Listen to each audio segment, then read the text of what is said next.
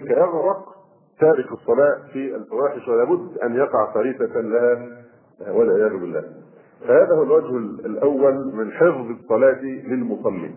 من هذا الحفظ أيضا حفظه من البلايا والمحن كما يقول الله تبارك وتعالى والمحن كما يقول الله تبارك وتعالى واستعينوا بالصبر والصلاة. وهذا أيضا نجتهد أن نفصله الليلة. منها حفظ العبد من عذاب النار يوم القيامة. وهذا أيضا أدلته كثيرة وأشهرها آه، ذلك الحديث الذي فيه أن الملائكة يعني يبحثون في النار عمن يستحقون الخروج من النار وعدم الخروج فيها. فيعرفون المؤمنين بماذا؟ اللي هم أهل الكبائر يعرفونهم بعلامة الصلاة. بعلامة الصلاة. حرم الله على النار أن تأكل أثر السجود يعرفونهم من أثر السجود في آه، وجوههم. المصلي في حماية الله تبارك وتعالى وحراسته كما آه، بينا. فإن الله تبارك وتعالى قال في الحديث القدسي آه، يا ابن آدم اكفني أول النهار أربع ركعات أكفك آخرة أو أكفك بهن آخر يومك. يقول صلى الله عليه وسلم قال إن الله تعالى يقول يا ابن آدم اكفني أول النهار أربع ركعات وهي صلاة الضحى. أربع ركعات في أول النهار الجائزة أكفك بهن آخر اليوم. أحفظك طوال هذا اليوم حتى آخره.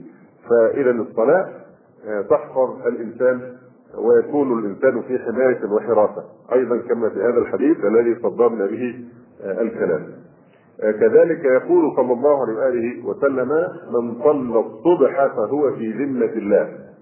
فلا يطلبنكم الله من ذمته بشيء فإنه من يطلبه من ذمته بشيء يدركه ثم يكبه على وجهه في نار جهنم. وهذا الحديث رواه مسلم. يقول فيه النبي صلى الله عليه وسلم من صلى الصبح فهو في ذمة الله في ذمة الله في حراسة الله. وفي خفارة الله وفي حمايته وحفظه وكلائه. فلا يطلبنكم الله من ذمته بشيء. يعني أن الذي يصلي صلاة الصبح هذا في جوار الله. فإياكم أن آه، يعني تخرقوا هذا الجوار أو أن تؤذوا أو تعتدوا على من هو في في حماية الله. ألا ألا ألا يعني ألا يعرف الناس ذلك إذا دخل رجل في جوار رجل وفي حمايته.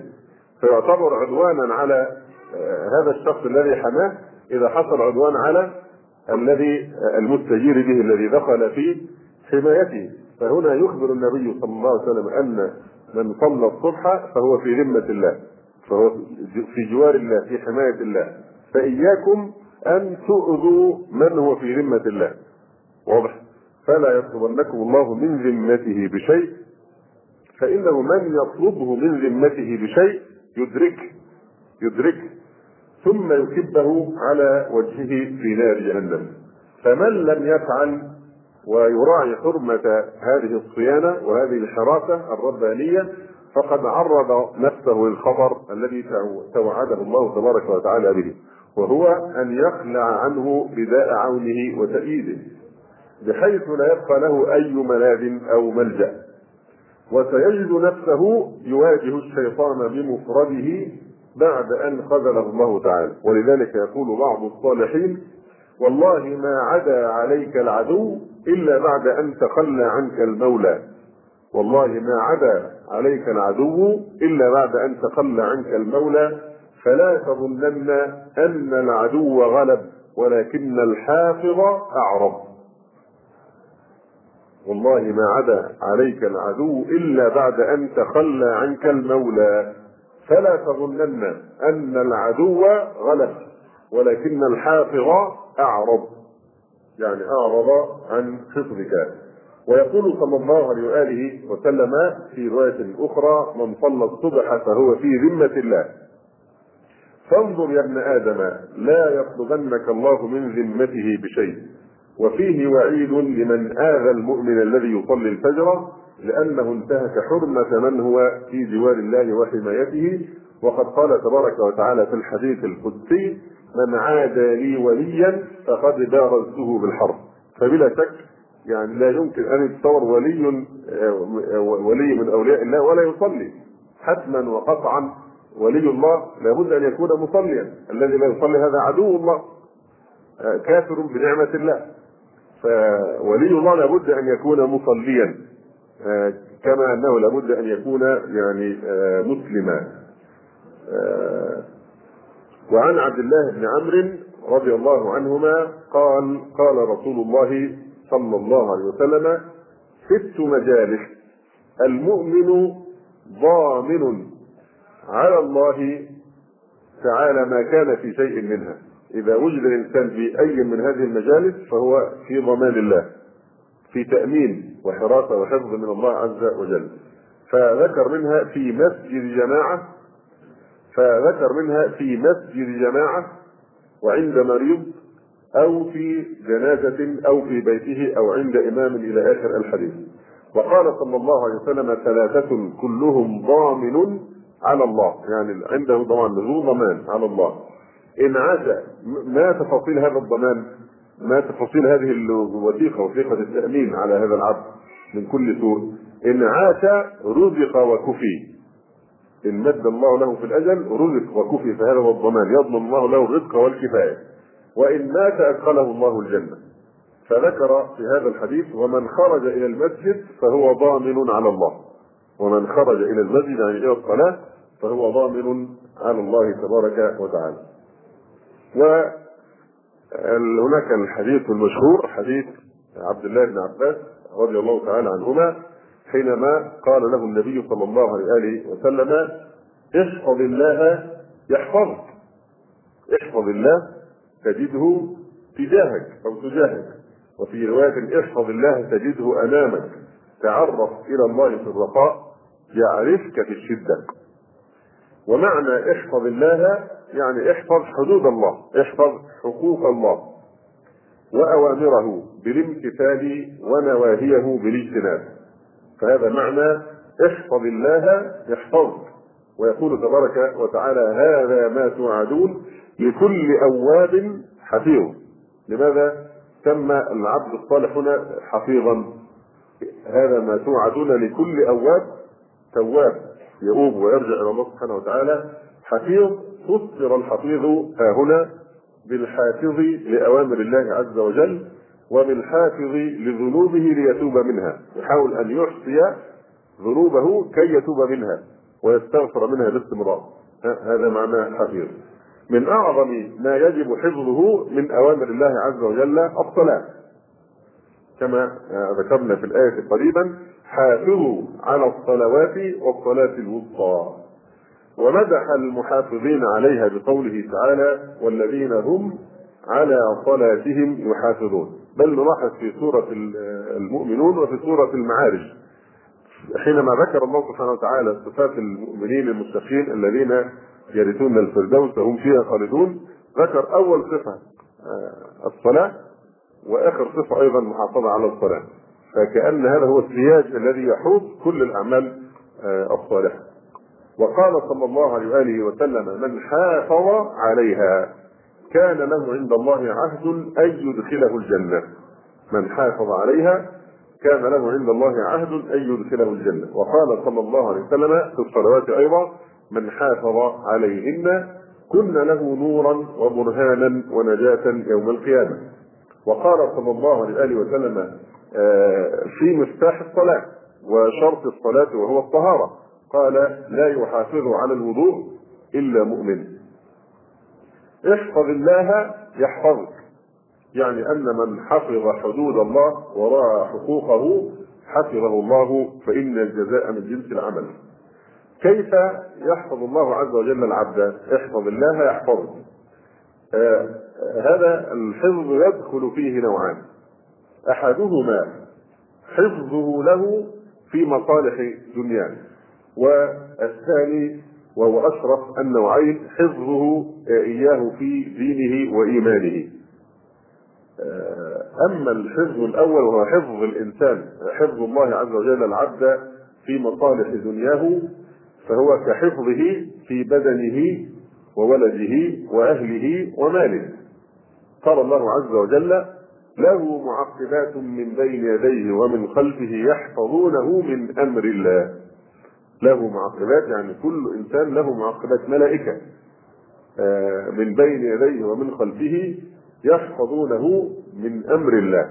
قال ابن عباس رضي الله تعالى عنهما هم الملائكة يحفظونه بأمر الله فإذا جاء القدر خلوا عنه فإذا جاء القدر تخلوا عنه حتى يصيبه ما قدره الله له.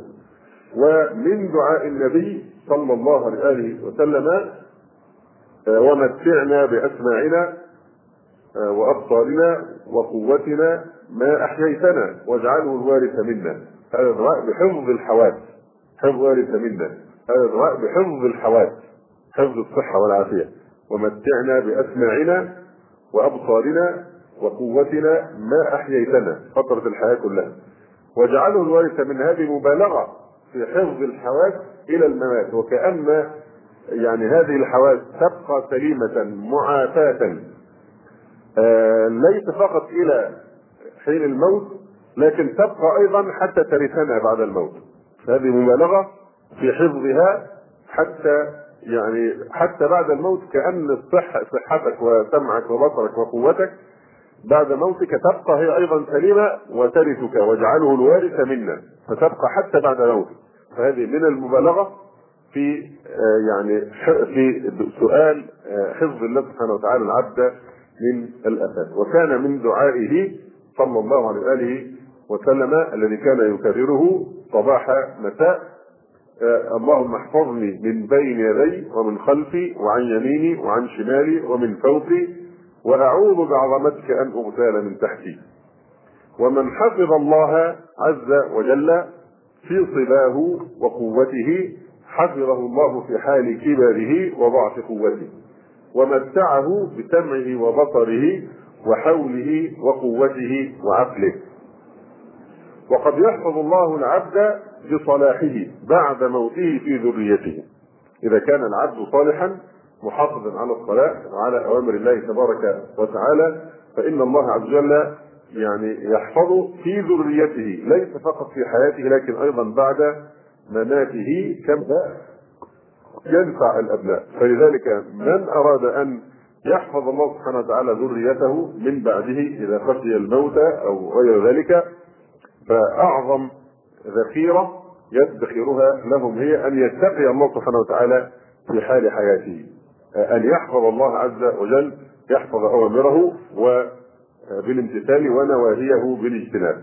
فهذه هي أعظم وثيقة تامين على الأولاد والذرية ليست المال وليست الضياع وليست العقارات وليست أمور الدنيا ولكن حفظهم وليخشى الذين لو تركوا من خلفهم ذرية ضعافا خافوا عليهم فليتقوا الله وليقولوا قولا سديدا.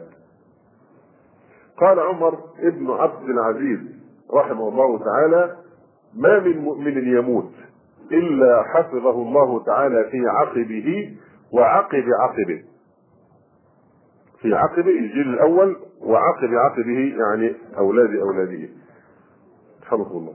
وقال ابن المنكدر رحمه الله تعالى إن الله لا يحفظ بالرجل الصالح ولده وولد ولده والدويرات التي حوله فما يزالون في حفظ من الله وستر يعني بركة الصالح تتعدى.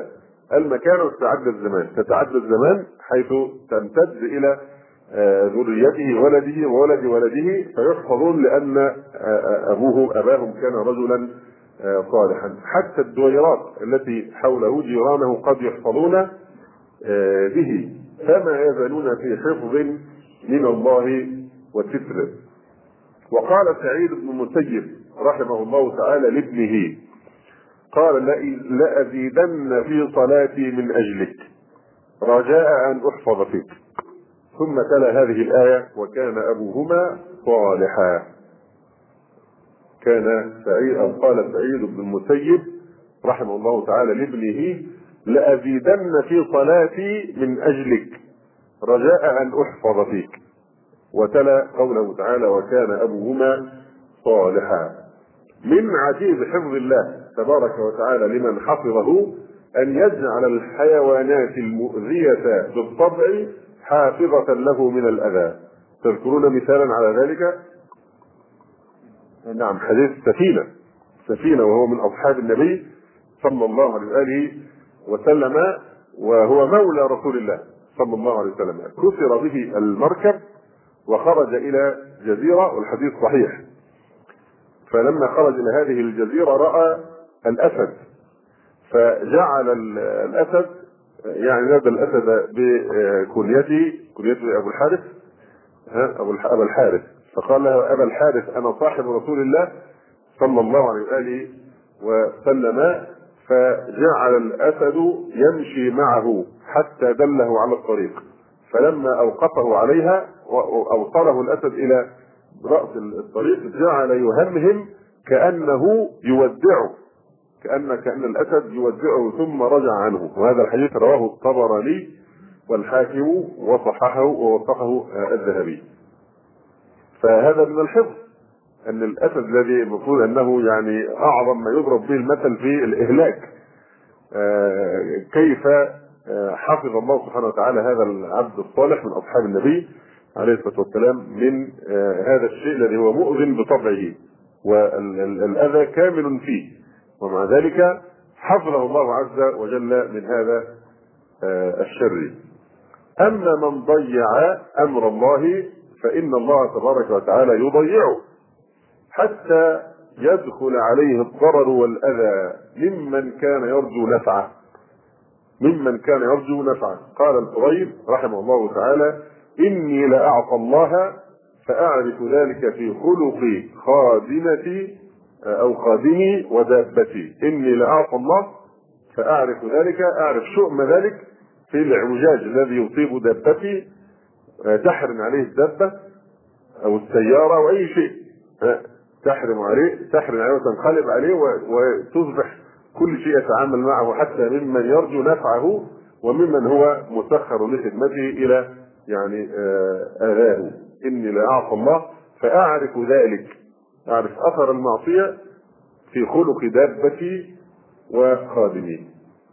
هذا فيما يتعلق بالنوع الأول من حفظ الله عز وجل العبد حفظه في نفسه في ماله في يعني عافيته في ذريته وسائر شأنه. أما النوع الثاني من حفظ الله العبد إذا حافظ هو على أوامر الله عز وجل وهو أشرف الحفظين أو أشرف النوعين من الحفظ فهو حفظ الله للعبد في دينه وإيمانه فيحفظه في حياته من الشبهات المضلة ومن الشهوات المحرمة ويحفظ عليه دينه بعد عند موته فيتوفاه على الإيمان ويرزقه حسن الخاتمة. وكان صلى الله عليه وآله وسلم يقول عند نومه إن أمسكت نفسي فارحمها وإن أرسلتها فاحفظها بما تحفظ به عبادك الصالحين. وعلم عمر رضي الله تعالى عنه أن يدعو الله عز وجل اللهم احفظني بالإسلام قائما واحفظني بالإسلام قاعدا واحفظني بالإسلام راقدا ولا تشمت بي عدوا حاسدا. وكان صلى الله عليه وآله وسلم إذا ودع من أراد سفرا قال له أستودع الله دينك. وأمانتك وخواتيم عملك. أستودع الله دينك وأمانتك وخواتيم عملك. وكان يقول إن الله إذا استودع شيئا حفظه فهو ما كان يقول هذا إلا حتى يحفظ على هذا العبد دينه وأمانته وخواتيم عمله. وقول النبي صلى الله عليه وسلم احفظ الله تجده تجاهك وفي رواية أمامك. معناه أن من حفظ حدود الله وراعى حقوقه وجد الله معه في كل أحواله حيث توجه يحوطه وينصره ويحفظه ويوفقه ويسدده. فإن الله سبحانه وتعالى إن الله مع الذين اتقوا والذين هم محسنون. قال قتادة من يتق الله يكن معه ومن يكن الله معه فمعه الفئة التي لا تغلب. والحارس الذي لا ينام والهادي الذي لا يضل أو يضل. أيضا آه، نستطرد في ذكر بعض فضائل آه، الصلاة آه، وهي يعني وهو كون الصلاة ملجأ أو ملجأ المؤمن في الكربات. المؤمن إذا ألمت به الكربات أو نزلت به النوازل ف يعني تكون الصلاة ملجأ المؤمن وليس هذا إلا لمؤمن لأن الله تبارك وتعالى قال واستعينوا بالصبر والصلاة وإنها لكبيرة إلا على الخاشعين. يستسهلها عامة الناس لكن الخاشعون وإنها لكبيرة إلا على الخاشعين الذين يظنون أنهم ملاقوا ربهم وأنهم إليه راجعون. فهناك في الصلاة استجابة لغريزة البشر النوعية. غريزة الافتقار والضعف والطلب. فالإنسان من حيث هو إنسان فيه هذه الغريزة أو هذه الفطرة أن الإنسان يشعر بالافتقار إلى غيره. آه، الإنسان يظل مهما نال من الأماني أو من الأشياء التي يحس أنه مفتقر إليها فإذا حصلها يشعر أن الفقر أن الفقر ما زال صفة لازمة له. يحاول أن ينتقل. لا يستقر القلب. ولا يطمئن ولا يشعر بالغنى إلا إذا ظفر بمحبوبه الأعلى وهو الله سبحانه وتعالى. لكن كل ما دون ذلك تجد الإنسان يتقلب كما يعني آه، قال ابن القيم رحمه الله تعالى لقد كان يسبي القلب في كل يوم وليلة ثلاثون نفسا بل تسعون نفسا وأرجحوا يهيم بهذا ثم يعشق غيره ويتلوه ويتلوهم من فوره حين يصبح. فلما رأى قلبي هواك أجابه فما له عن خبائك مبرح أو كما قال رحمه الله تعالى. فالشاهد أن القلب لا يمكن أن يسكن ويستقر إلا إذا وصل إلى الله سبحانه وتعالى واستغنى بالله عما عداه. أما كل ما هو دون ذلك فلا يقنع. سريع التحول والبحث. فهذه فطرة في الإنسان إنه دائما شاعر بالافتقار إلى من يحتمي به ويلجأ آه، آه، إليه. يا أيها الناس أنتم الفقراء إلى الله والله هو الغني آه، الحميد. ولذلك يقول شيخ الإسلام ابن تيمية آه، رحمه الله تعالى بيتا في نفس هذا المعنى والفقر وصف ذات لازم لي أبدا كما الغنى أبدا وصف له ذاتي. فالله وتعالى كما أن من صفاته الذاتية الغنى آه كذلك العبد من صفاته الذاتية من حيث يعني لا يمكن يكون إنسانا إلا إذا كان فيه هذه الصفة. آه والفقر وصف ذات لازم لي أبدا لا أنفك عنه. كما الغنى أبدا وصف له ذاتي.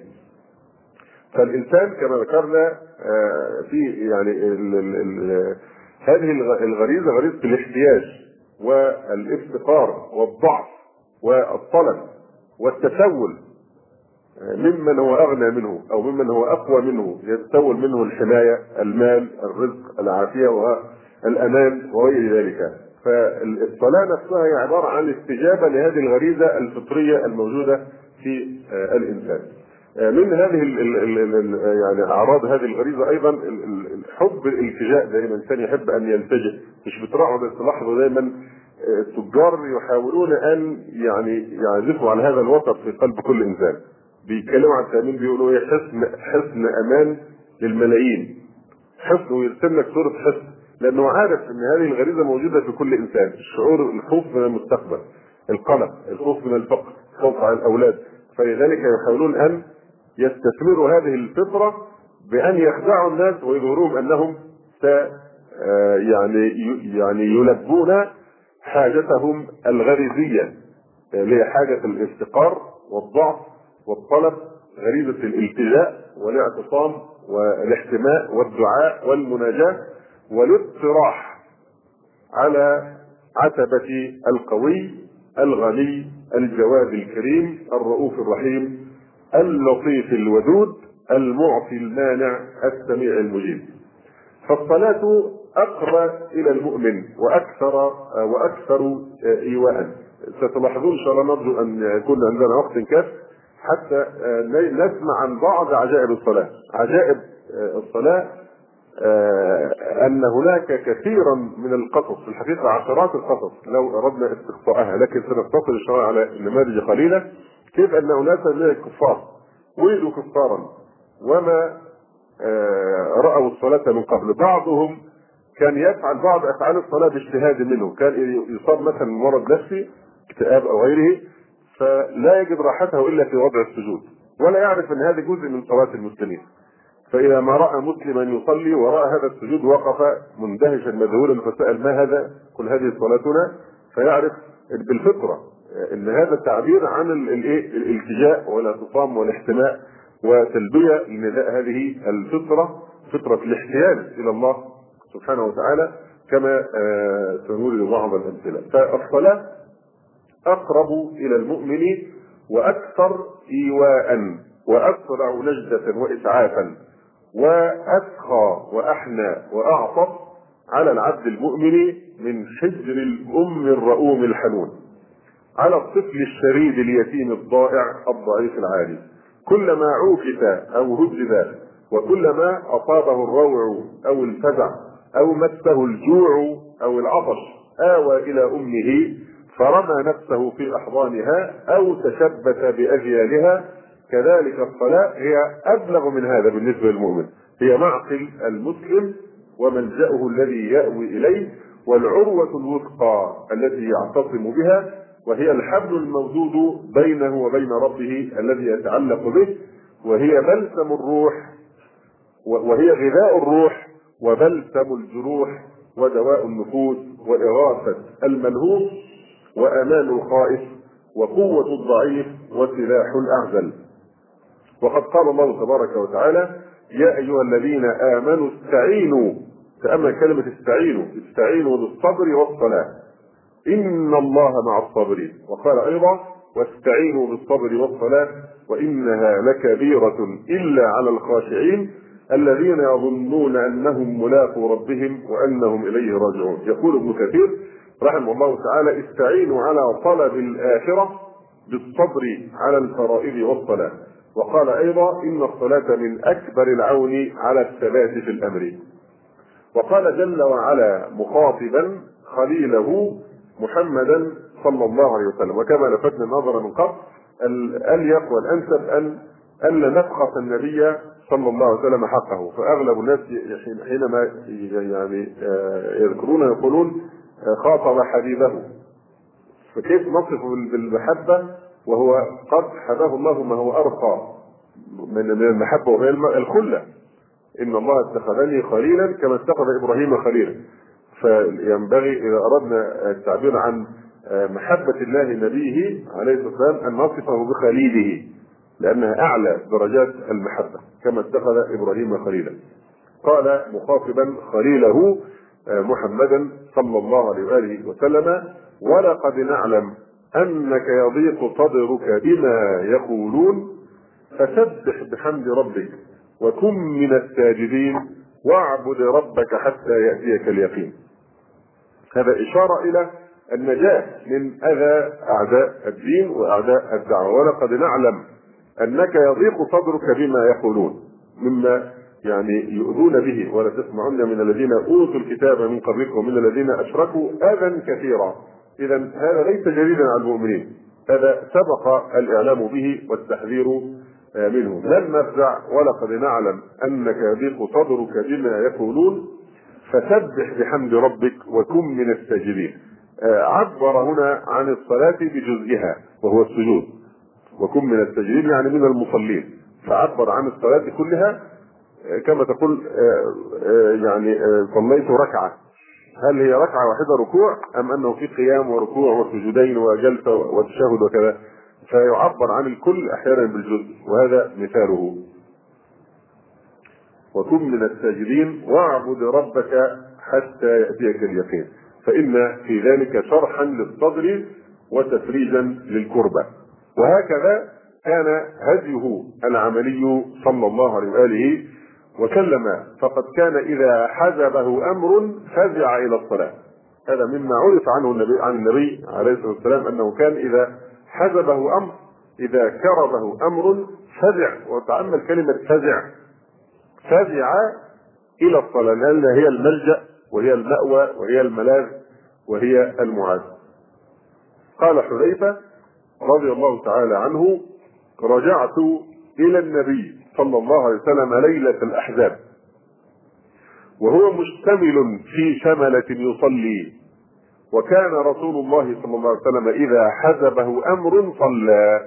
كان إذا حزبه أمر صلى. وقال أمير المؤمنين علي رضي الله تعالى عنه لقد رأيتنا ليلة بدر وما فينا إلا نائم. غير رسول الله صلى الله عليه وسلم يصلي ويدعو حتى أصبح. وعن ثابت قال كان النبي صلى الله عليه وسلم إذا أصابته خصاصة نادى أهله صلوا صلوا. وقال ثابت وكان الأنبياء إذا نزل بهم أمر فزعوا إلى الصلاة. وروي عن أبي الدرداء رضي الله تعالى عنه قال كان النبي صلى الله عليه وسلم إذا كان ليلة ريح شديدة. كان مفزعه إلى المسجد حتى تسكن الريح. يفزع إلى المسجد حتى تسكن الريح. آه، إذا حدث في السماء حدث آه، من خسوف شمس أو قمر كان مفزعه إلى الصلاة حتى ينجلي.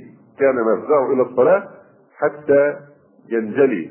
آه، فهذا هو شأن القلب الحي. أما نحن الذين ابتلينا في هذا الزمان بجاهلية العلم. يعني كان زمان جاهلية الجهل الآن جاهلية العلم. نقصد العلوم التجريبية هذه آه، استعملت في أن آه، تموه على الناس وتصرفهم بعيدا عن حقائق الأمور. فهي جاهلية لكن يعني معماة بثوب العلم. إذا حصل كسوف أو خسوف أو زلزال أو غير ذلك من هذه الأشياء كل هذه ظواهر طبيعية. ويشغلون الناس بقوة الزلزال كم درجته آه والشروح الطويلة في طبقات الأرض وتكوينها وآخر هذه الاصطلاحات المعروفة.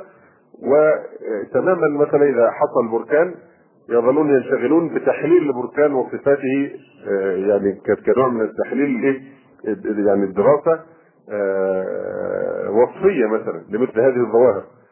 ويكون بركان نازل على الناس سيحرقهم ويهلكهم مثلا واضح؟ فنفس الشيء. هذه اشياء تقع في الوجود لأسباب يسببها الله سبحانه وتعالى. لكن هذه الأسباب لا تنفي ان أنها نذير من الله عز وجل. نذير وذلك يحرم الناس من الاعتراف بهذه البلايا وهذه المصائب. آه لماذا؟ بسبب هذا الحجاب الذي يوضع على أعينهم أنهم يعلمون ظاهرا من الحياة الدنيا. ينشغلون بظاهر الأمور دون النفاذ إلى بواطنها وما وراءها من الحكم. لذلك كان صلى الله عليه وسلم إذا حصل آه، ريح شديدة آه، وسحب في السماء وكذا كان يظل يخرج ويدخل ويتغير شكله عليه السلام. فإذا ساله الصحابة عن ذلك قال وما يؤمنني؟ كيف آمن أن تكون فيها عذاب من الله سبحانه وتعالى؟ وقد رأى قوم يعني مثل هذا فقالوا هذا عارض ممطرنا. هذا عارض ممطرنا بل هو ما استعجلتم به ريح فيها عذاب أليم. دائما الوجل والخوف والفزع ومن من يعني عقوبة الله تبارك وتعالى. فكان صلى الله عليه وسلم إذا كان ليلة ريح شديدة كان مفزعه إلى المسجد يفزع إلى المسجد إلى أن تسكن الريح فيطمئن أنه ليس هناك عذاب. وكان إذا حدث في السماء حدث من خسوف أو خسوف شمس أو قمر كان مفزعه إلى الصلاة حتى ينجلي. هكذا أيضا كان شأن الصحابة الأبرار رضي الله تعالى عنهم أجمعين. فعن النضر قال كانت ظلمة على عهد أنس. فأتيت فقلت يا أبا حمزة هل كان هذا يصيبكم على عهد رسول الله صلى الله عليه وسلم؟ فقال معاذ الله إن كانت الريح لتشتد فنبادر إلى المسجد مخافة أن تكون القيامة. هكذا أيضا كان شأن أو هكذا في السورة التي ذكرنا كان شأن الصحابة. طبعا كما تعلموا من النبي عليه السلام أن يفزعوا إلى الصلاة أن يفزعوا إلى آه، الصلاة. آه، كذلك كان شأن التابعين لهم بإحسان في كل جيل مع الصلاة. الصلاة كانت بالنسبة لهم يعني كالسيف أو السلاح في يد الجندي. الجندي إذا أصابه أي فزع ماذا إلى إلى ما يفزع؟ إلى السلاح كي يحمي به آه، نفسه أو من يحرسه فكذلك المؤمن إذا نزلت به ملمة أو المؤمنون في الغني مع ثروته يفزع إليها إذا احتاج يسحب من حسابه أو من ماله حتى يسد هذه الجوعه أو هذه الحاجة بل وشأن الطفل الصغير مع بكائه وصراخه واستعطافه للأم الحنون. بل كانوا أكثر إدلالا وثقة بصلاتهم وأقوى اعتمادا عليها من كل ذلك. وأصبح ذلك طبيعة لهم لا تفارقهم فإذا فزعوا أو أثيروا أو إذا دهمهم عدو أو تأخر عليهم فتح أو التبس عليهم أمر التجأوا إلى الصلاة وفزعوا إليها. كانت هذه أيضا سيرة أعلام وأئمة المسلمين. وقادتهم في كل عصر ومصر يعني صلاح الدين الأيوبي إذا رجعتم سيرته تجدون فزعه إلى الصلاة وإلى ذكر الله عز وجل وقراءة القرآن. وهكذا تتبع معارك المسلمين وجهادهم ومواقفهم. تجد فزعهم دائما كان إلى يعني إلى الصلاة. ولعل هذا من حكمة تشريع صلاة الخوف حتى في أثناء الجهاد حتى يبقى هناك المدد متصلا مع الله سبحانه وتعالى خلال هذه الصلاة. حكي عن شيخ الإسلام ابن تيمية رحمه الله تعالى أنه كان إذا أشكلت عليه آية أو التوى عليه علم عمد إلى بعض المساجد المهجورة فقام يصلي فيعفر وجهه بالتراب. ويطيل السجود. ويقول يا معلم إبراهيم علمني. يا معلم إبراهيم علمني. قرأت في بعض ال ال يعني ال الكتب أنه كان يقول أيضا يا مفهم سليمان فهمني. أخذا من قوله تعالى ففهمناها سليمان. وكان شديد الابتهال. عظيم التذلل لله تبارك وتعالى يفتخر بأنه سائل مستجد. عريق في الشحاذة. أنه عريق في الشحاذة. ورثها أبا عن جد. فقد سمع شيخ الإسلام رحمه الله تعالى ينشد في بعض مناجاته ودعواته أنا المكدي وابن المكدي وهكذا كان أبي وجدي. يعني أنني عريق في التسول من الله عريق في الشحاذة. والسؤال والإطراح على عتبته أسأله وأتذلل إليه تبارك وتعالى أن يقضي حاجتي. ليست الصلاة مقصورة على فريضة تؤدى في وقتها ويتخلى بها المسلم عما أوجبه الله عليه من فرض. فذلك فرض لا يقبل الله منه يعني لا يقبل الله عنه صرفا ولا عدلا.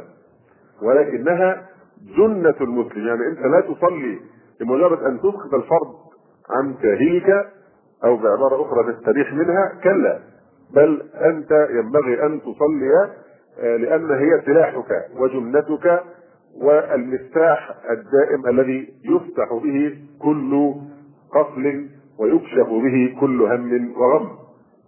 ففي الخوف صلاة للخوف في الاستسقاء صلاة. إذا انقطع المطر إذ الصلاة مرتبطة بالحاجات مرتبطة بتفريج الكربات. كما ذكرنا الخوف له صلاة تسمى صلاة الخوف تفزع إليها. الاستسقاء له صلاة إذا انقطع المطر. وهلكت البهائم وانقطعت السبل. كذلك للتوبة صلاة. إذا وقعت معصية فإنك تفزع أيضا إلى الصلاة. كي تمحى عنك هذه الخطيئة. فعن أبي بكر رضي الله تعالى عنه قال قال رسول الله صلى الله عليه وسلم ما من عبد يذنب ذنبا فيتوضأ فيحسن الطهور ثم يقوم فيصلي ركعتين ثم يستغفر الله لذلك الذنب إلا غفر الله له. ثم تلا قوله تعالى والذين إذا فعلوا فاحشة أو ظلموا أنفسهم ذكروا الله فاستغفروا لذنوبهم ومن يغفر الذنوب إلا الله ولم يصروا على ما فعلوا وهم يعلمون. إذا هذه صلاة التوبة. أيضا يفزع إليها العبد إذا افترسه الشيطان وأوقعه في معصية. للخسوف وللكسوف صلاة ارتباط بالحدث يعني في تفاعل فزع إلى هذه الصلوات الموظفة في أوقات معينة. فيقول النبي صلى الله عليه وسلم إن الشمس والقمر لا ينكتفان لموت أحد ولا لحياته ولكنهما آيات من آيات الله. يخوف الله بهما عباده فإذا رأيتم ذلك فصلوا وادعوا حتى ينكشف ما بكم. الغاية إلى أن ينجلي وينكشف هذا الغم. وفي رواية فادعوا الله وكبروا وصلوا وتصدقوا. إذا أراد العبد أن تقضى له حاجة أو تفرج عنه كربة فبإمكانه أن يقدم بين يدي دعائه صلاة ركعتين. آه ليس على اعتبار أننا نعتمد على الحديث الضعيف الوارد في شأن صلاة الحاجة لأنه لا يصح لكن لأن هناك ما يدل على أن من آداب الدعاء آه تقديم عمل صالح بين يدي الدعاء. من آداب الدعاء آداب كثيرة منها أن تفعل بين يدي الدعاء قبل أن تدعو تصدق بصدقه اقرأ قرانا اختم القرآن ثم ادعو يعني صم عند الإفطار مثلا أو غير ذلك. يعني فمنها صلاة ركعتين يمكن أن تصلي ركعتين قبل أن تدعو باعتبار أن هذا من آداب الدعاء تقديم عمل صالح بين يديه. ويستدل لهذا أيضا بحديث عثمان ابن حنيف رضي الله عنه أن رجلا ضرير البصر. أتى النبي صلى الله عليه وسلم فقال ادعو الله لي أن يعافيني. فقال إن شئت أخرت لك وهو خير وإن شئت دعوت. فقال ادعوه فأمره أن يتوضأ فيحسن وضوءه ويصلي ركعتين ويدعو إلى آخر الحديث. فهذا فيه إشارة أيضا لهذا المعنى أن قبل أن يدعو يصلي ركعتين. ف وليس هذا كما ذكرنا اعتمادا على حديث صلاة الحج الذي هو حديث ضعيف لكن باعتبار أن هذا من آداب الدعاء التي يدل عليها هذا الحديث الشريف. كذلك المداومة. على تعمير بيوت الله عز وجل بالصلاة وبالذكر من أسباب قضاء الحاجات. فعن أبي هريرة رضي الله تعالى عنه قال إن للمساجد أوتادا هم أوتادها لهم جلساء من الملائكة فإن غابوا سألوا عنهم وإن كانوا مرضى عادوهم وإن كانوا في حاجة أعانوهم وهذا الحديث صححه الألباني في صحيح الترغيب والترهيب. إن للمساجد أوتادا هم أوتادها. لهم جلساء من الملائكة. فإن غابوا سألوا عنهم. وإن كانوا مرضى عادوهم. وإن كانوا في حاجة أعانوهم. وذلك كله ببركة محافظتهم على صلاة الجماعة. الفضيلة الثالثة من فضائل الصلاة هي هذا المعنى الذي أشرنا إليه من قبل أن الصلاة فطرة في الإنسان. الاحتياج إلى الله سبحانه وتعالى وفزع العبد إليه. لذلك كانت الصلاة مفتاح هداية لكثير من الكافرين. نحن نعرف أن يعني كما أن كل نسيج كل نسيج في البلاد يكون عبارة عن خيط. يغزل الخيط ومنه تصنع يصنع النسيج. فكل قصة إيمان أو إسلام لكافر يكون لها خيط خيط الأول ولذلك يعني آه أنت مطالب أن تتحدث مع مع أي إنسان حتى لو كان ممعنا في الكفر والإلحاد. لماذا؟ أنت لا تعرف طبيعة تربة في قلبك، هل هذه تربة خصبة أم تربة سبخه؟ أنت لا تعرف. فأنت ضع البذرة ما لك وشأنها، أنت ما يخصك بعد ذلك هل البذرة ستنمو أم لا تنمو؟ فأغلب قصص الاهتداء والإيمان والاستقامة إنما تبدأ ببذرة. ممكن إنسان يعني يلقي كلمة ويمضي وهذه كلمة تثير بركانا في نفسية الذي سمعها. حتى وإن لم يظهر ذلك فإذا سمع من غيرك أيضا ربما اثرت وهكذا إلى أن ينتهي به الأمر إلى الإسلام والهداية والاستقامة. فيعني فما عليك إلا أن تضع البذرة. أما تنمو فهذا ليس إليك. إن الهدى هدى الله. يهدي من يشاء ويضل من يشاء. فأنت فقط مطالب بأن تضع البذرة في التربة وعلى الله سبحانه وتعالى يعني نماؤها. نعم. ولذلك كما ذكرنا هذه البذرة الأولى أو هذا الخيط الأول يختلف يختلف اختلافا كثيرا وهذا الموضوع في حد ذاته حقيقة يحتاج يعني كلاما مفصلا وهو بحث شيق لكن نرجو أن تأتي فرصة له مفصلة فيما بعد شيء غريب الإنسان يعني حينما يطالع قصص المهتدين إلى الإسلام تجد أشياء عجيبة آه، في الأشياء التي يمكن أن تجذب كل إنسان أو بتعبير آخر هذا الخيط الذي ينسج قصة إسلامه وهدايته. فمثلا من عجيب ما قرأته قريبا عن رجل آه، إنجليزي تقريبا آه، كان سبب اسلامه شيء غريب جدا إنه كان يعيش في باكستان وكان له أصدقاء في العمل من المسلمين ففي يوم من الأيام يعني أحدهم صنع لهم وليمة. فكان سبب إسلامه آه، لذة طعم الطعام الذي قدم إليه. قال إن أمة تملك هذا المذاق الطيب في الطعام لابد أن تكون على حق. آه، طبعا نحن في هذه الحالة لا لا نقولوش لا ده المفروض تنظر لأشياء أخرى. سيبه. آدم هي دي اللي هتجذبه للإسلام اتركه. يتلذذ بهذا الطعام ويقاتل الإسلام بمعدته. ثم بعد ذلك هو سيطلع على آه، مظاهر يعني الجمال والروعة في آه، دين الله تبارك وتعالى. يختلفون في الحقيقة. مثلا امرأة آه، كافرة كانت من شهود يهوى ومن من اعتى الكفار الآن في بلاد الغرب. أسلمت بمجرد أنها اطلعت على حكم الإسلام في الاختلاط. شيء عجيب. اطلعت على آه، كتاب يبحث عن آه، موقف الإسلام من قضية اختلاط الحر بين الرجال والنساء. فكان فيها خير وأعجبت جدا بهذا الكلام وأسلمت بسبب مثلا رجل كان عالم من علماء الموسيقى دارس الموسيقى ومتخصص في الأصوات وهذه الأشياء. أسلم حينما عرف أن القرآن فيه آية آه، تقول إن أنكر الأصوات لصوت الحمير. قال دي فعلا دي لا يمكن يقولها إلا الخالق لأن هذا الصوت هو من أشد الأصوات نشازا ولا يعرف ذلك إلا خبير. مثلا أنا لا أريد أن أستفيد لأنه ليس موضوعنا الاساسي لكن المقصود ب هذه المقدمة أن أغلب نسبة عظيمة جدا من حالات الاهتداء إلى الإسلام الخيط الأول أو البذرة الأولى كانت عبارة عن رؤية مشهد مسلم أو المسلمين وهم يصلون.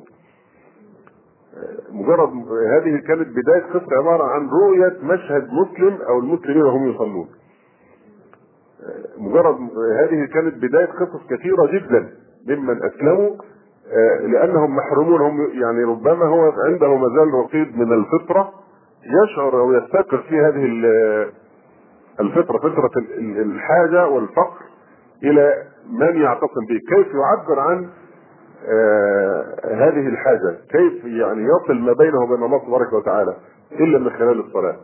فسنذكر يعني آه بعض النماذج آه عن فريق ممن اهتدوا إلى الإسلام وكان سبب هدايتهم أو الخيط الأول في هدايتهم أنهم رأوا مسلما يصلي. ولذلك نلاحظ إخواننا في جماعة التبليغ يهتمون جدا بهذا الأمر لأنهم يدركون هذه الحقيقة.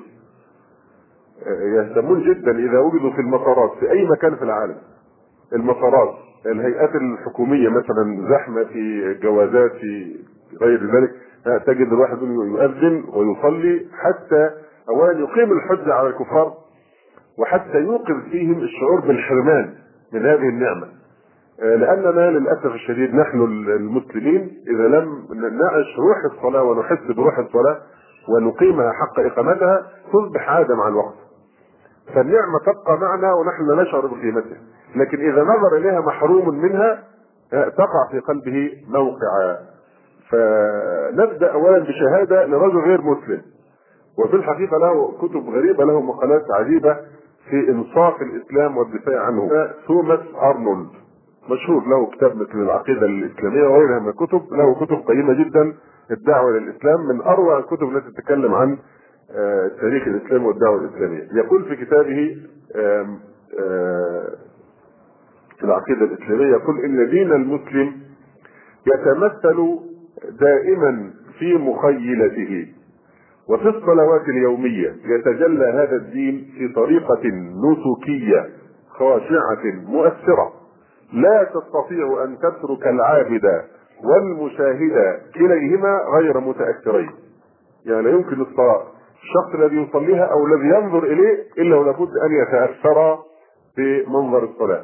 ولذلك نلاحظ وكما يحدثنا إخواننا آه الذين يطالعون وسائل الإعلام الغربية أن الإعلام الغربي اللي هو يهودي بالصفه الأولى في المقام الأول يهودي آه خبيث إذا جاء منظر المسلمين وهم يصلون لابد إنه إذا أتوا بصورة المسلمين وهم يصلون يأتوها بطريقة لا يمكن يأتوا بالصلاة كاملة بطريقه بصورة كاملة لكن تجد يجد شيء يعني آه تقترن الصورة بشيء يلفت انتباه النظر النظر الناس بعيدا عن روعة الصلاة ولذة الصلاة.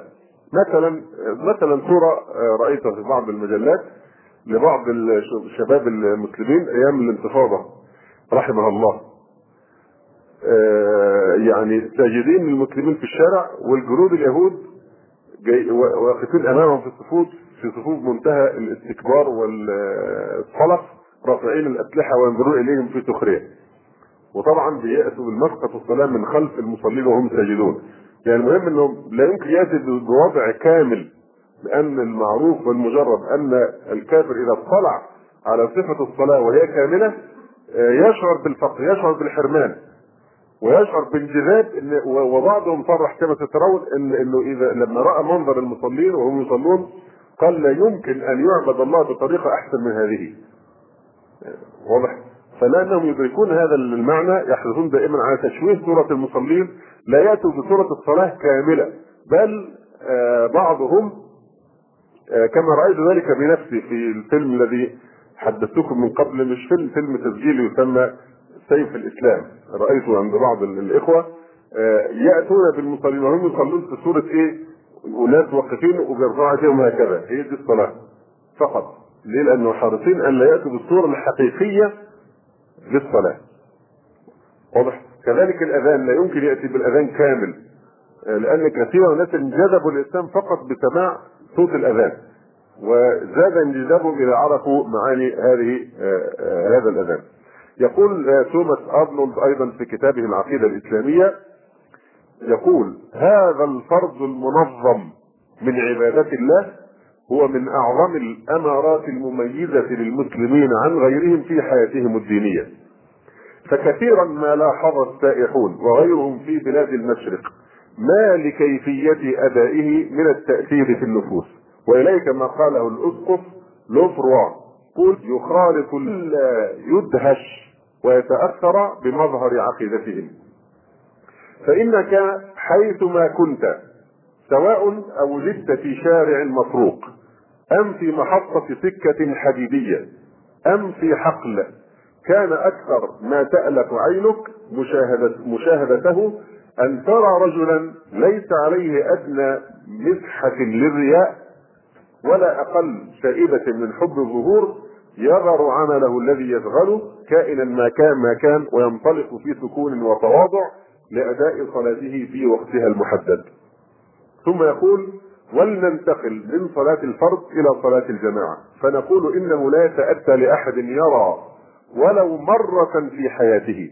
ما يقرب من خمسة من خمسة عشر ألف مصل في ساحة المسجد الجامع بمدينة دلهي بالهند يوم الجمعة الأخيرة من شهر رمضان وكلهم مستغرقون في صلاتهم وقد بدت عليهم أكبر شعائر التعظيم والخشية في كل حركة من حركاتهم.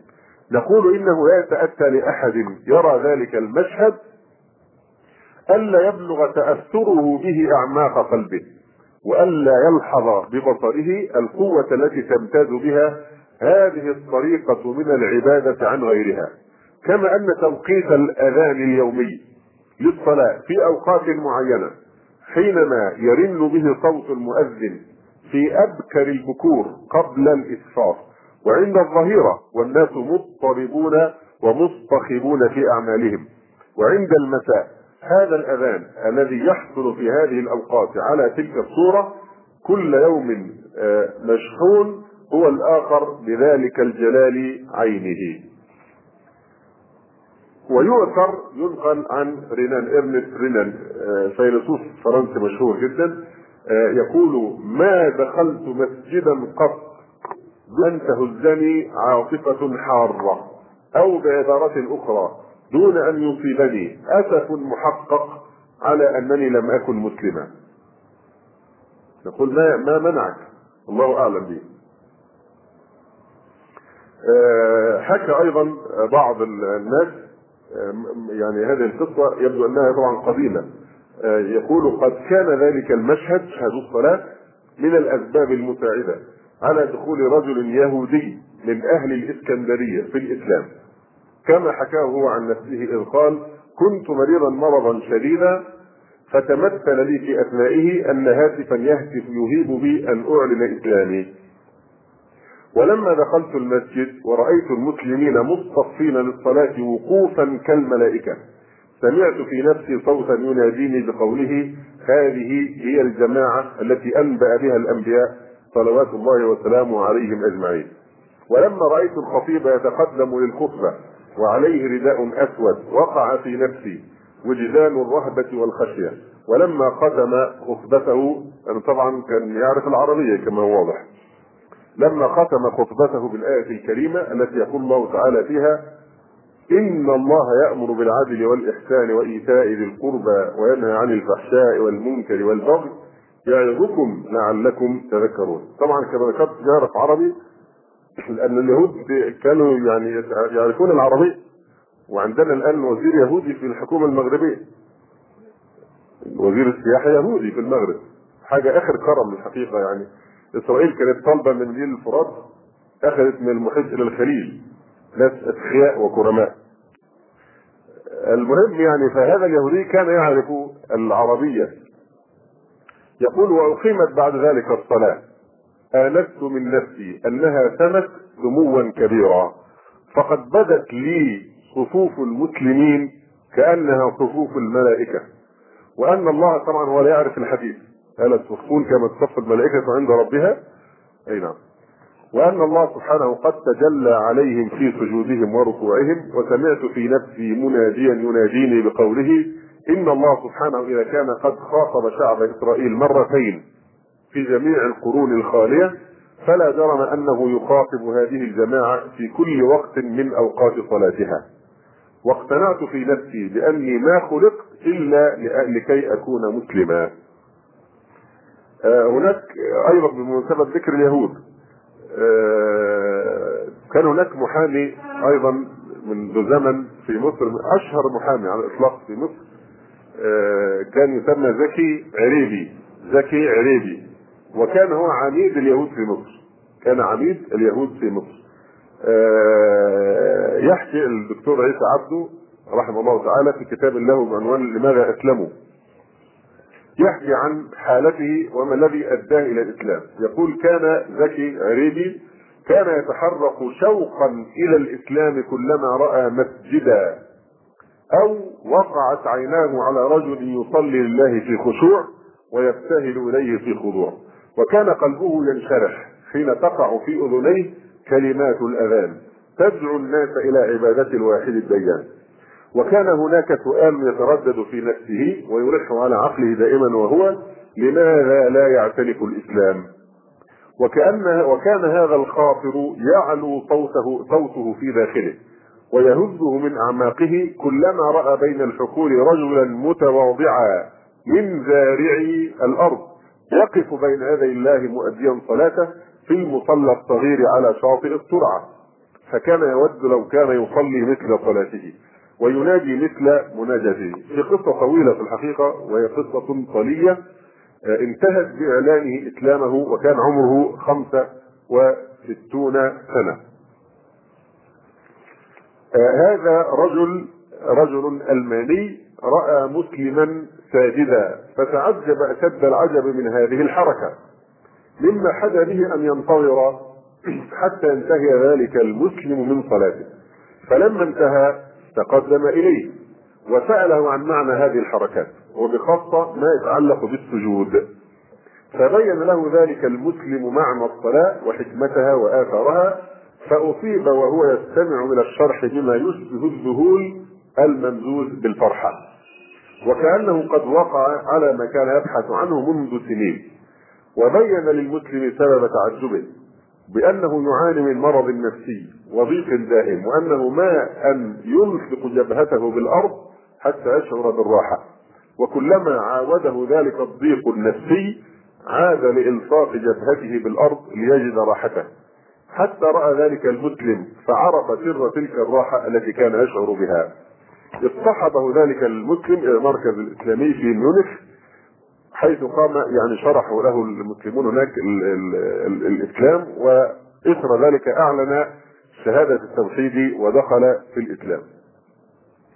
آه هذا رجل آه يعني آه ثري جدا من أثرياء الهندوك في الهند. يدعى كوت هلال جابا وصار اسمه بعد إسلامه خالد لطيف جابا وكان سياسيا وصحفيا ومؤلفا مشهورا في الهند. يحكي عن الإشعاعات النورانية الأولى التي أشرقت في قلبه مبينا أن مصدرها كان هو مشهد الصلاة مشهد المسلمين وهم يصلون. يقول كنت كلما مررت بأحد المساجد للمسلمين في الهند أفعم قلبي بالإحساس بعظمة هذا المكان وقدسيته. وكنت أشعر دوما أن المؤذن وهو ينادي إلى الصلاة كان يقصدني أنا بالذات في ندائه ذلك. وكأن هاتفا من داخلي يجيبه قائلا هيا بنا إلى الصلاة هيا بنا إلى الفلاح.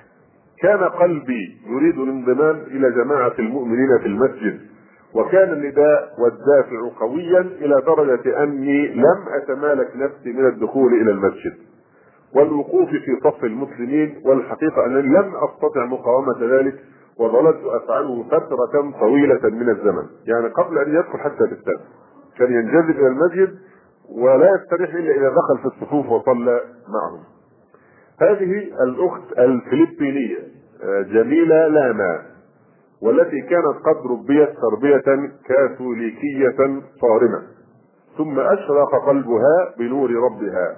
فأسلمت له وجهها تحكي عن بعض التجارب التي مرت بها وهي كانت عبارة عن إرهاقات سبقت إسلامها. تقول في قصة طويلة تقول والغريب أنني كنت أستيقظ عند الفجر تحدوني رغبة قوية للصلاة. عند الفجر طبعا يعني الإنسان كأن الإنسان خلق ليصلي. يعني عندي بحث لكن لم يتيسر لي ان احضره بحث في مجلة طبية إنجليزية. بيتحدث باحث كافر لا علاقة له بالإسلام ولا عنده خبر به والله أعلم. بيتحدث عن ارتفاع عوامل الإثارة يعني والانفعال في في في جسم الإنسان.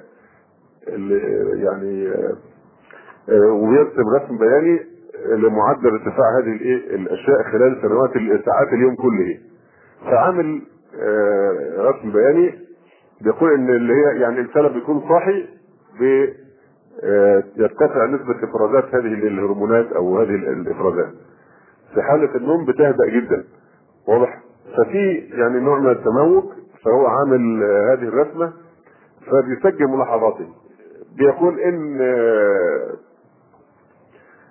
من الساعة سبعة صباحا بيبدأ هذه الافرازات تبدأ ترتفع جدا في جسم كل إنسان. كل إنسان. واضح؟ تبدأ ترتفع من سبعة صباحا ارتفاع ملحوظ طبعا. تستمر طول اليوم. تأتي فترة معينة اللي هي قبل الثانية عشر ظهرا وتبدأ تهبط الثاني. ثم بعد ذلك تبدأ ترتفع. المهم إلى أن يأتي المساء وبتبدا تنخفض ثاني وتهدأ في الليل. تركض في الليل. آه إلى هذا الحد والكلام طبيعي لكن رجل محتار محتار جدا لأنه لاحظ إن من على مدار السنة ما بين الساعة 3 و5 بيبدأ يرتفع يعني هذه العوامل يسموها stress factors بتبدأ ترتفع جامد ما بين ثلاثة لخمسة يعني مش كل الفترة هي ساعتين لا في وقت معين بين الساعة ثلاثة لخمسة يعني على مدار السنة ثلاثة مثلا فترة مثلا ثلاثة وربع ثلاثة ونص وهكذا ولخمسة بيبقى يرتفع آه ارتفاع ملحوظا جدا ثم يهبط ويعود في الساعة السابعة إلى الارتفاع. فالرجل يعني يبدي استغرابه في هذا البحث. يقول كل ما من الساعة 7 فما فوق عارفين إيه تفسيره. الإنسان بيحتاج للنشاط اليومي وكذا فبترتفع هذه الافرازات إن هذه الفترة اللي هي بين 3 ل 5 هي التي حيرته ولم يجد لها جوابا. والجواب أن الإنسان خلق ليصلي. وإن هذه الأشياء يعني هذه الإفرادات بتزداد في هذا الوقت حتى ينتبه للصلاة. ولذلك إنسان يلاحظ ما لم يكن هناك سهر شديد سهر ومعانده للفطرة. الإنسان يلاحظ إنه لو أن انسان معتاد على النوم مبكرا يجد نفسه بسهولة جدا بيستيقظ في الفجر أو قبل الفجر أيضا حتى. واضح؟ ليه؟ نتيجه إنه إيه؟ نتيجه يعني آه ارتفاع هذه الإيه؟ العوامل المنبهه والمثيرة. نعم. آه يعني الانسان الحقيقة يعني الاطلاع على الغيب من نافذة الوحي يريحنا كثيرا. يعني كيف يقول يقول النبي عليه السلام لا تسبوا الديك فإنه يوقظ للصلاة.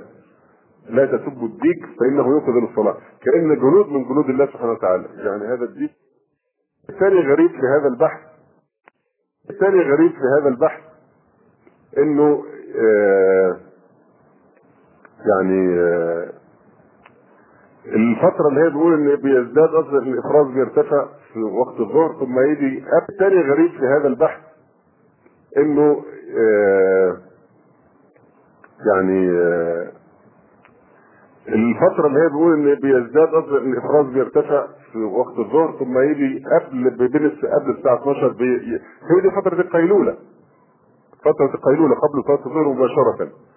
كما يعني كانت سنة النبي عليه السلام أن يقيل في هذا الوقت حتى يستريح الشاهد يعني إن حتى الانسان من الناحية الفسيولوجية خلق ليصلي. خلق ليصلي.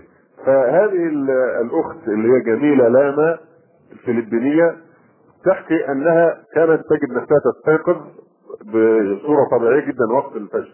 تقول والغريب أنني كنت أستيقظ عند الفجر تحدوني رغبة قوية للصلاة. وكذلك كان يتملكني هذا الإحساس نفسه عند الغروب. فعلا أخذت أصلي على الطريقة النصرانية وهي الطريقة الوحيدة التي كنت أعرفها حينئذ. إلا أن إحساسي بالفراغ الروحي ظل يسيطر على نفسي رغم هذه الصلاة. لقد شعرت أنني كنت متعطشة لشيء لم تكن لدي أي صورة واضحة عنه. ففي كثير من الأحيان كانت الدموع تنهمر من عيني أو من عيني ويفيض بها وجهي عندما كنت أدعو الله أن يمنحني النور والصبر لأن ما كنت أحس به وأكتشفه يعني من حاجته إلى الصلاة.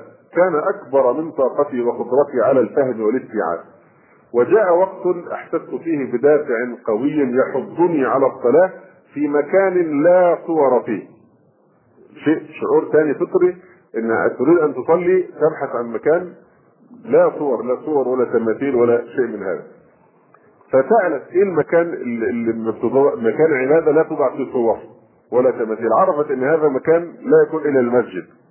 تقول إنها قطعت عدة كيلومترات عبر حقول الأرز الأرز بحثا عنه حتى تصل لمسجد تقول في النهاية حينما ذهبت المسجد كان اليوم الثاني مباشرة يوم صلاة الجمعة. فتحكي عن شعورها. تقول إن نداء الصلاة الأذان في الإسلام قد بدد الأساس الواهي لعقيدتي السابقة.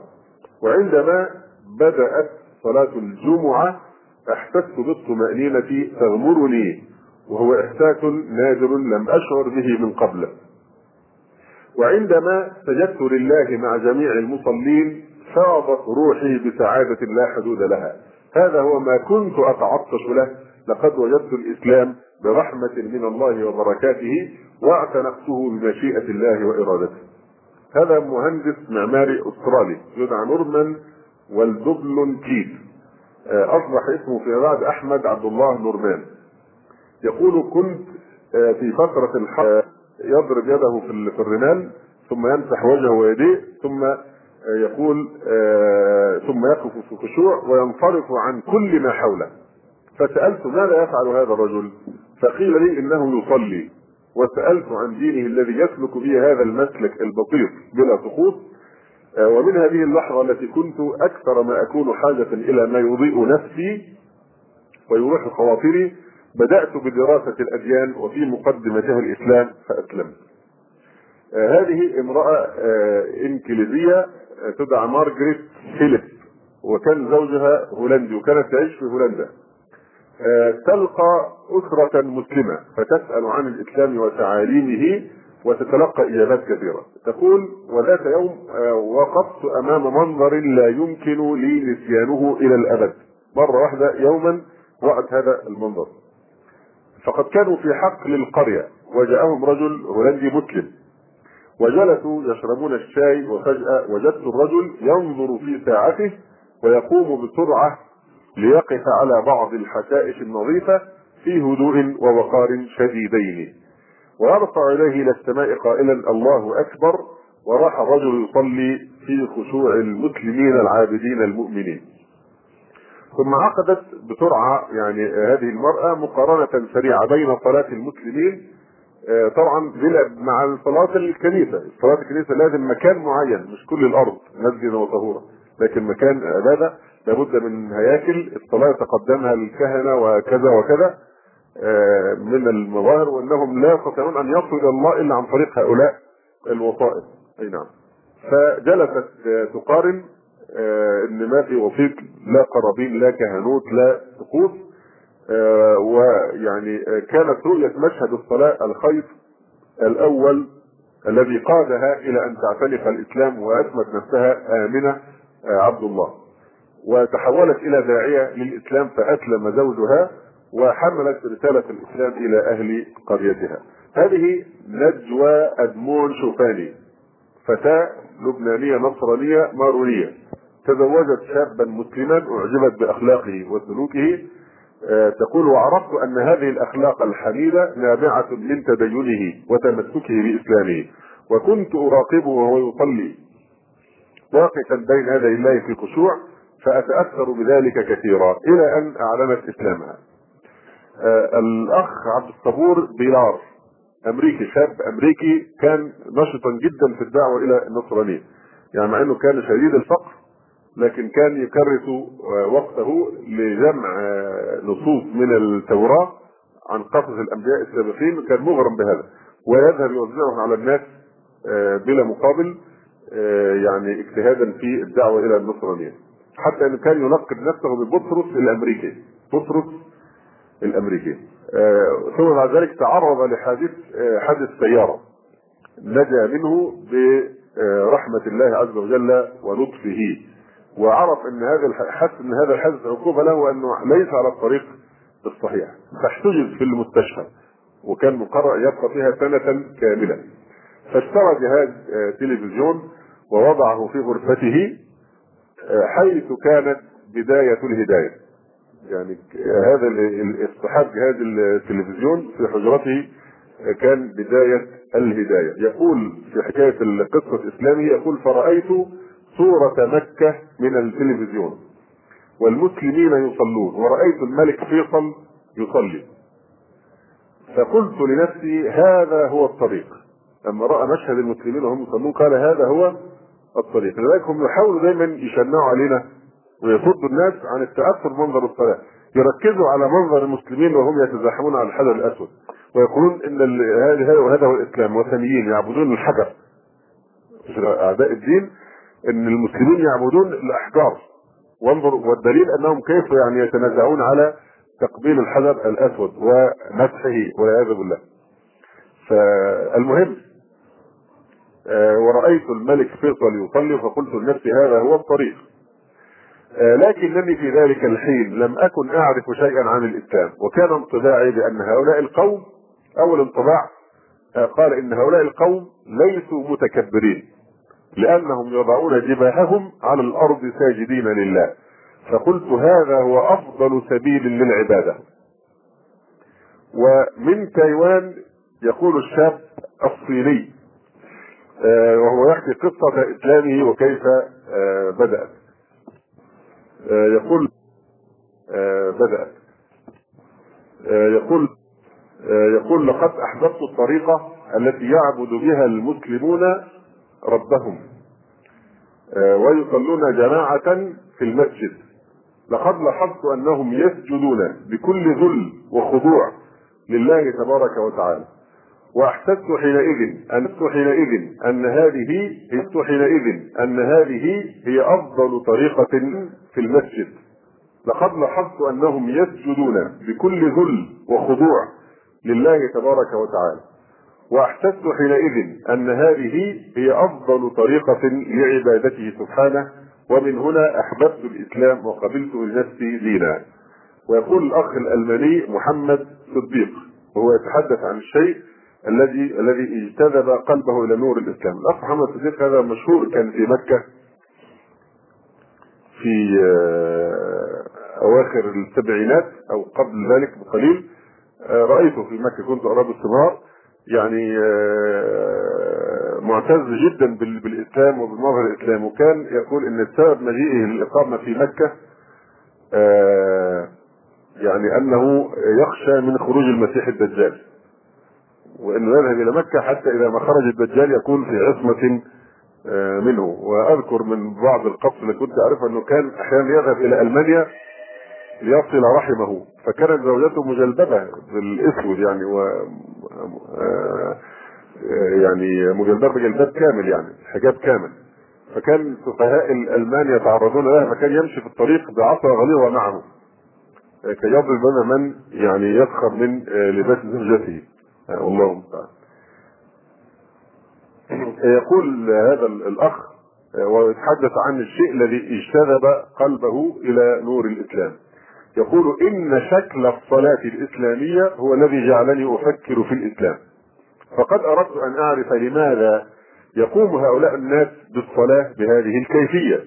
فاستنتجت أنها خير سبيل يختاره الإنسان لعبادة خالقه. فبدأت وأنا ما زلت بروتستانتيا في أداء الصلاة بالكيفية الإسلامية.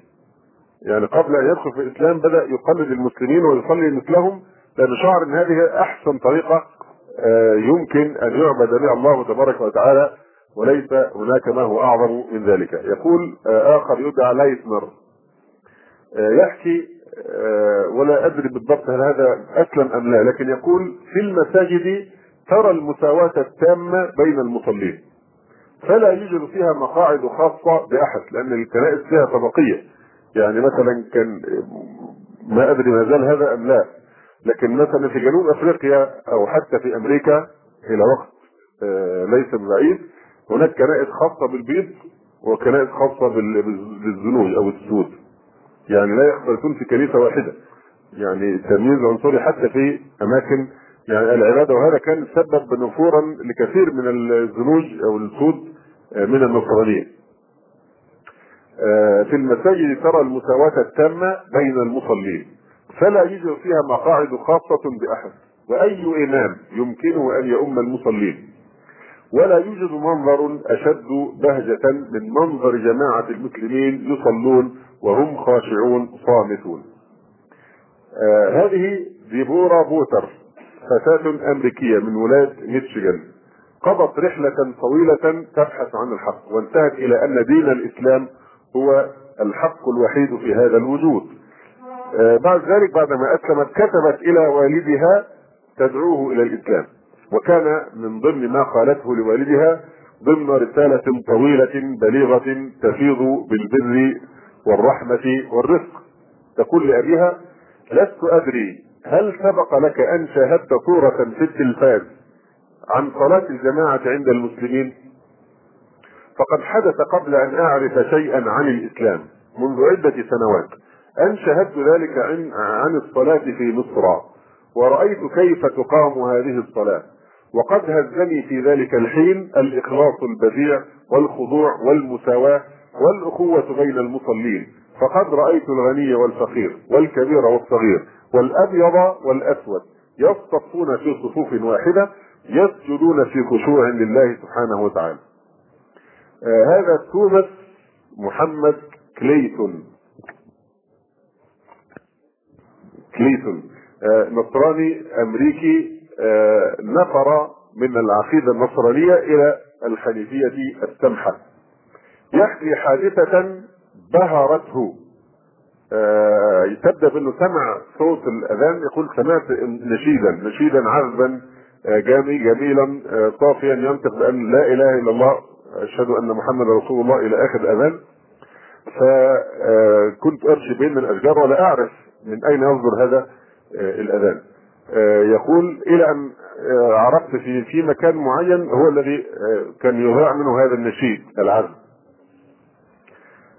ويبدو أنه انجذب إلى هذا الصوت وإلى هذه العبارات وطريقة تلاوة الاذان يقول ثم اذا بي اجد الناس يأتون من كل صوت الناس بكل الالوان والأشكال والملابس يأتون من كل اتجاه ناحية هذا المركز المكان الذي خرج منه صوت يعني الاذان فقلت يبدو أن في اجتماع عاجل أو مهم آه، يعني زي دي صيحة لجمع هؤلاء الناس في مؤتمر طارئ أو حشد هيحصل مظاهرة أي شيء هيحصل لأن نجد الناس فجأة من كل اتجاه يتدفقون ناحية آه هذا المكان الذي صدر منه الأذان. ثم يقول كان الناس يخلعون أحذيتهم أو نعالهم وينتظمون في صفوف طويلة الواحد منها تلو الآخر وقد أثار دهشتنا ونحن نرقبهم في صمت أنه لا توجد فوارق من أي نوع بين أفراد هذا الاجتماع.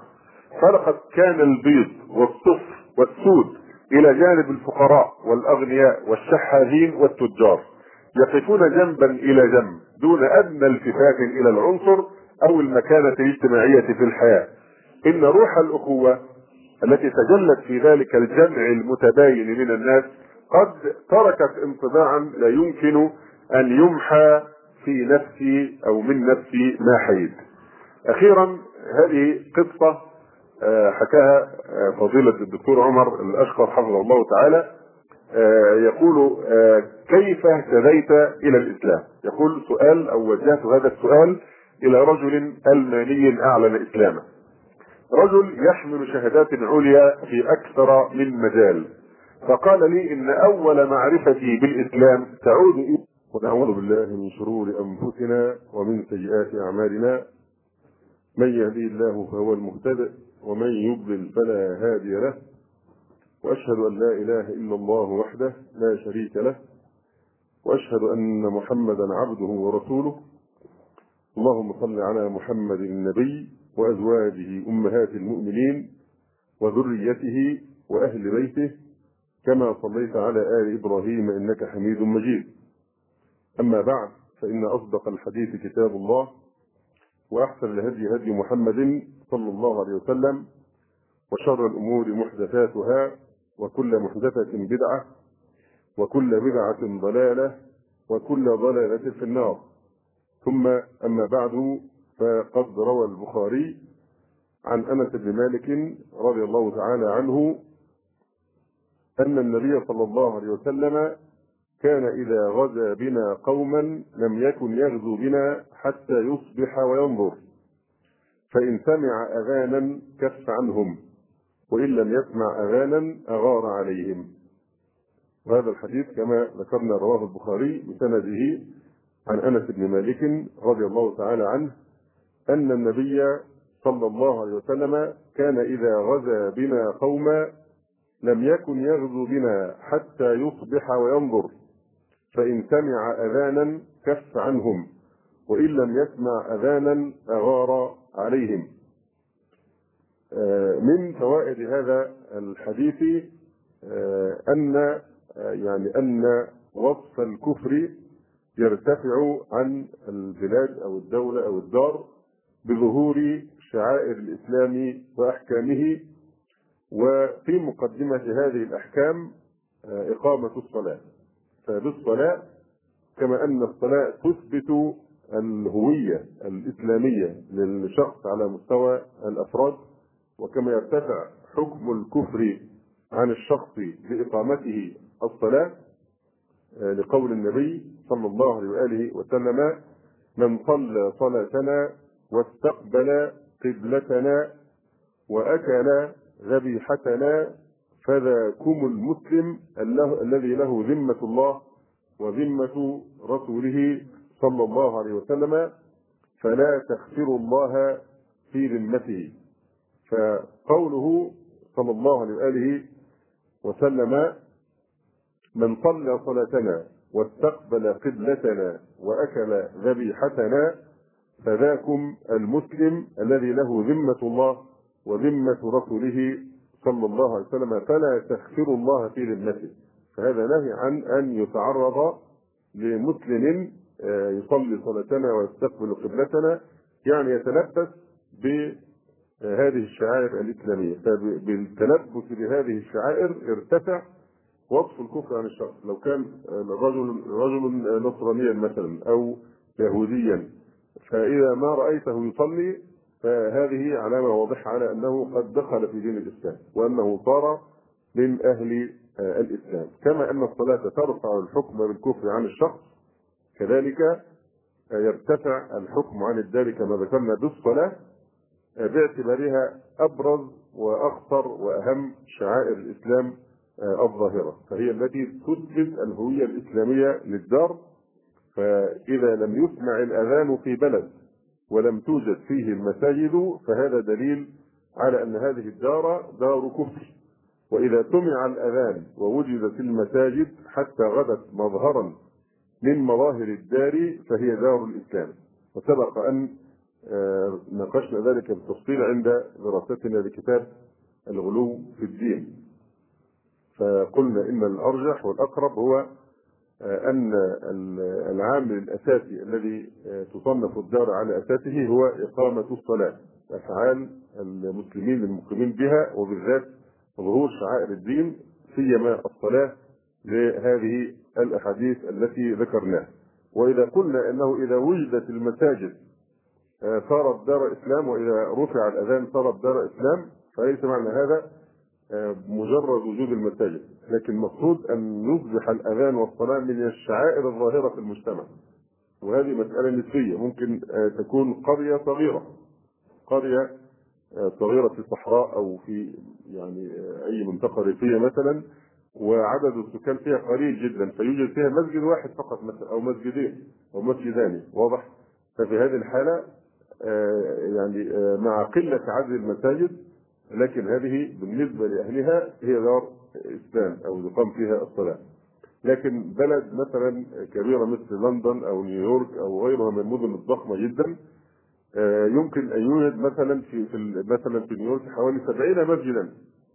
لكن بالنسبة لحجم البلد وضخامتها لا يرفع الأذان ولا وليس ليس وجود المساجد مظهرا وسمة عامة تصبغ المجتمع بصبغة الإسلام الاذان وإقامة الصلاة فبالتالي لا يكفي هذا مع وجود هذا العدد الكبير للحكم بأنها دار اسلام بل تبقى دار حرب لماذا؟ لأن الصلاة والمساجد والأذان ليس من الشعائر الظاهرة التي تصبغ آه، هذا المجتمع بهذه آه، الشعائر.